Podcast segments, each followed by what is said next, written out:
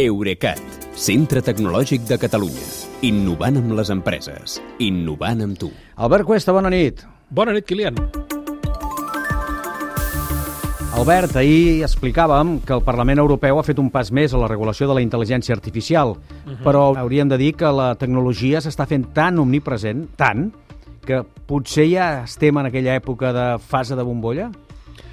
Una mica com va passar amb les criptomonedes i amb el blockchain en general, per exemple. La millor prova d'això que dius és que els inversors ja estan abocant autèntiques fortunes amb qualsevol cosa que faci olor d'algoritme. Per exemple, una empresa del RAM que es va crear fa només un mes i que encara no té cap producte, eh, ja ha recaptat 150 milions d'euros de capital. Amb Sense cap la... producte, eh? Sense cap producte. Eh, i, eh, I això, 150 milions d'euros de capital, és la ronda inicial de finançament més alta que hi ha hagut mai fins ara a Europa. Aquesta empresa es diu Mistral i l'han format un antic investigador de Google DeepMind i dos de Meta Platforms, que es veu que deuen ser tan bons aquest, aquestes tres persones que han aconseguit la confiança financera del fons Lightspeed, que és copropietari de Snap i d'Epics Games, per exemple, d'inversors privats com en Xavier Niel, que és el, un magnat francès de les telecomunicacions, l'ex-conseller delegat de Google, Eric Schmidt, i d'institucions com la Banca Pública d'Inversions de l'Estat francès. Segons els, el Financial Times, aquesta ronda inicial d'inversió situaria el valor de Mistral amb 240 milions d'euros. Insisteixo, sense cap producte a la venda i amb els primers empleats arribant encara a les oficines. Deixa'm fer d'analista, diguem-ne, improvisat, sembla que els inversors aposten clarament per les persones que funden l'empresa, més que per l'empresa, potser, no? Ah, sí, perquè si no, no s'entén. Eh?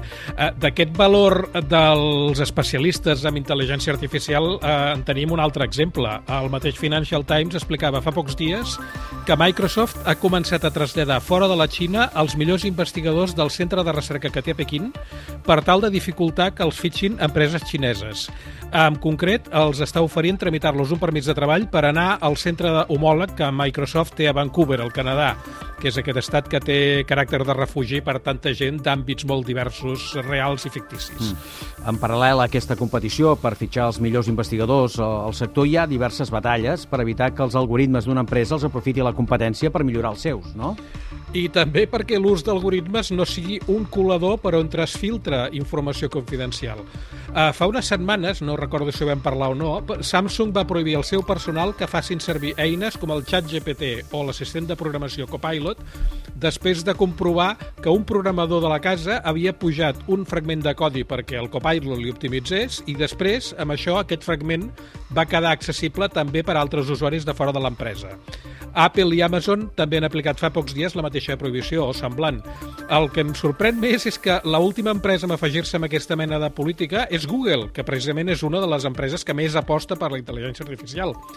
De fet, Google no només prohibeix al personal que faci servir el xat GPT de la competència, sinó també el seu propi chatbot, el BART, i algunes fonts ja diuen que parts del, del BART de Google s'han entrenat amb historials de ChatGPT i que ChatGPT també està entrenat amb historials de Google BART. Hauríem entrat en un cercle viciós, eh? algoritmes que entrenen algoritmes. Ja veurem com, com en surten d'aquest cercle o, o si n'acaben sortint.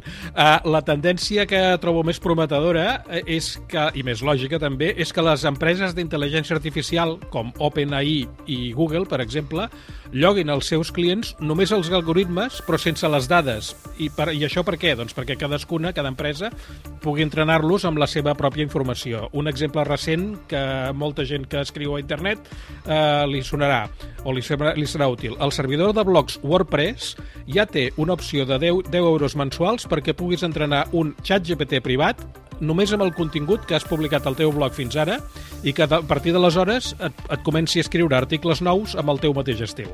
S'estaria a mida, no?, una mica? Una mica sí. Molt bé, escolta'm, doncs veurem com queden els vestits al fons i a la fi, si ens queden bé. Una abraçada i que vagi bé. Bona nit, Kilian, fins demà.